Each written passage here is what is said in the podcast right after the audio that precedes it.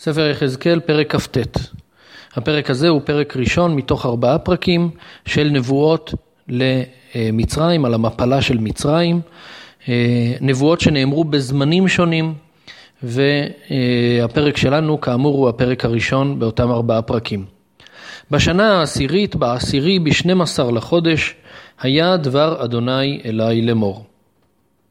התאריך הוא י"ב בחודש טבת, בשנה העשירית של צדקיהו, כלומר אה, שבעה חודשים לפני חורבן בית המקדש. בן אדם, שים פניך על פרעה מלך מצרים, וינבא עליו ועל מצרים כולה. הנבואה לא רק לפרעה מלך מצרים, אלא בכלל לכל הממלכה. דבר ואמרת, כה אמר אדוני אלוהים, הנני עליך פרעה מלך מצרים, התנים הגדול הרובץ בתוך יאוריו, אשר אמר, לי יאורי ואני עשיתיני. פרעה נמשל כאן לתנין שיושב בתוך היאור. המשל הזה כמובן הוא בגלל שהיאור זה מקור החיים של אה, פרעה, של מצרים, וזה גם מה שגרם לגאווה וליוהרה של מצרים, של פרעה, שהוא אומר, אני, יש לי את היאור, אני לא זקוק לשום אלוהים אחרים שידאג לי לגשם, אני דאגתי בחוכמה שלי, אני דאגתי לעושר שיש לי, לא זקוק לאף אחד, לי יאורי ואני עשיתיני, אני נמצא בתוך הממלכה שלי, היאור זה כל העם שלי, ואני לא זקוק לאף אחד. ונתתי חכים בלחייך, והדבקתי את דגת יאוריך בקשקשותיך. והעליתיך מתוך יאוריך, ואת כל דגת יאוריך בקשקשותיך תדבק. אני אתן בלחיים שלך חכים. חכים, כלומר טבעות של ברזל, אה, כמו אה, אה, קרסים שתופסים את ה, בחכה את הדג, כך אני אתן את אותן טבעות בלחיים שלך שיתפסו אותך כדי להוציא אותך מהמים, ואיתך ביחד לקשקשים שלך ידבקו כל דגת יאוריך, כלומר כל העם שלך ימות איתך ביחד, יעלו מהמים של היאור איתך ביחד. ונטשתיך המדברה, כלומר אני אזרוק אותך למדבר, מוציאים דג מהמים אל המדבר, אה, סופו ברור. ונטשתיך המדברה, אותך ואת כל דגת יאוריך. על פני השדה תיפול, לא תיאסף ולא תיכווץ, לחיית הארץ ולעוף השמיים נתתיך לאוכלה. אתם תינתנו למאכל לחיית הארץ ועוף השמיים, כלומר העמים האחרים אה, יבוזו אתכם כאשר אתם תמותו. וידעו כל יושבי מצרים כי אני אדוני, יען היותם משענת קנה לבית ישראל. כל החורבן הזה מגיע למצרים בגלל שמצרים הייתה משענת של קנה לבית ישראל. ויש כאן תיאור של מה קורה כאשר נשענים על משענת של קנה.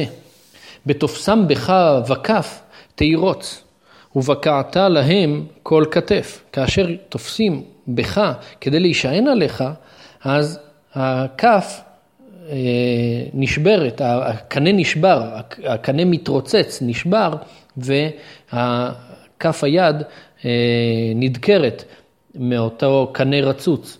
ובקעת להם כל כתף. הכתף נופלת וכביכול נשברת כאשר אותה משענת שנשענים עליה אה, נשברת. ובהישענם עליך תישבר. כאשר עם ישראל נשענים עליך, על מצרים, אתה נשבר ועמדת להם כל מותניים. המטרה היא שעם ישראל לא יישענו עליך, אלא שיעמדו במותניים שלהם, שיעמדו זקופים ללא הביטחון במצרים. לכן כה אמר אדוני אלוהים, הנני מביא עלייך חרב, והכרתי ממך אדם ובהמה. והייתה ארץ מצרים לשממה וחורבה, וידעו כי אני אדוני. יען אמר, יאור לי, ואני עשיתי. בגלל הגאווה והיוהרה של מצרים, לכן מצרים תהיה לחורבן, היא תהיה חרבה מאדם ובהמה. לכן הנני אליך ואל יאוריך, ונתתי את ארץ מצרים לחורבות חורב שממה, ממגדול סבנה ועד גבול כוש. מצד אחד של מצרים, קצה אחד של מצרים במגדול סבנה, ועד לצד השני בגבול של כוש, הכל יהיה חורב שממה. לא תעבור בה רגל אדם, ורגל בהמה לא תעבור בה, ולא תשב ארבעים שנה.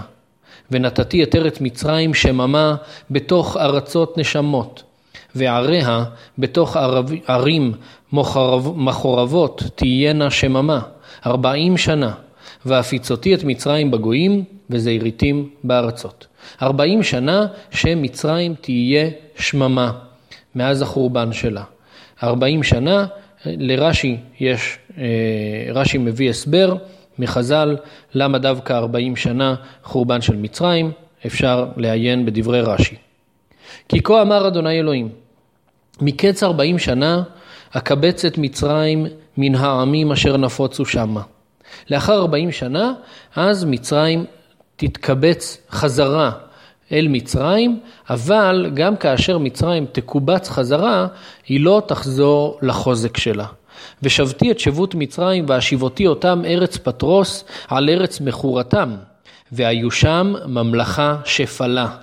הממלכה שתתקבץ מחדש תהיה ממלכה שפלה, שלא יהיה בה את אותו כוח. ולמה היא תהיה כל כך אה, שפלה? נראה מיד. מן הממלכות תהיה שפלה, ולא תתנשא עוד על הגויים, והם עתתים לבלתי רדות בגויים. היא תהיה ממלכה שפלה שלא תתנשא מעל גויים אחרים, היא לא תרדה בגויים אחרים. והמטרה של הדבר הזה, ולא יהיה עוד לבית ישראל למבטח מזכיר עוון בפנותם אחריהם. וידעו כי אני אדוני אלוהים.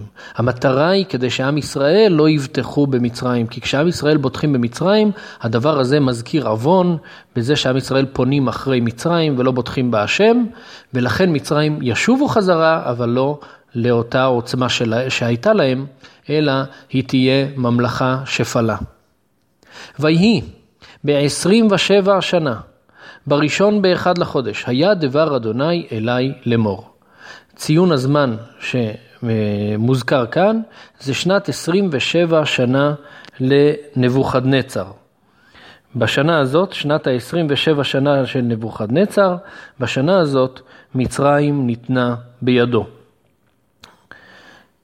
בן אדם, נבוכדרצר מלך בבל העביד את חילו עבודה גדולה אל צור, כל ראש מוכרך וכל כתף מרוטה. ושכר לא היה לו ולחילו מצור על העבודה אשר עבד עליה. נבוכדנצר וחילו, הם עבדו אצלי, אומר ריבונו של עולם. הייתה להם עבודה שהם עבדו, והם עבדו קשה, כל ראש מוכרך, כל כתף מרוטה, זמן ארוך של מצור שהם צרו על צור, כדי לכבוש אותה, כמו שראינו בשלושת הפרקים הקודמים. ו... אבל הם לא היה להם שכר מהדבר הזה, לא היה שם שלל כמו שצריך כדי להצדיק את כל העבודה הקשה שהם עשו שם כדי לכבוש את צור.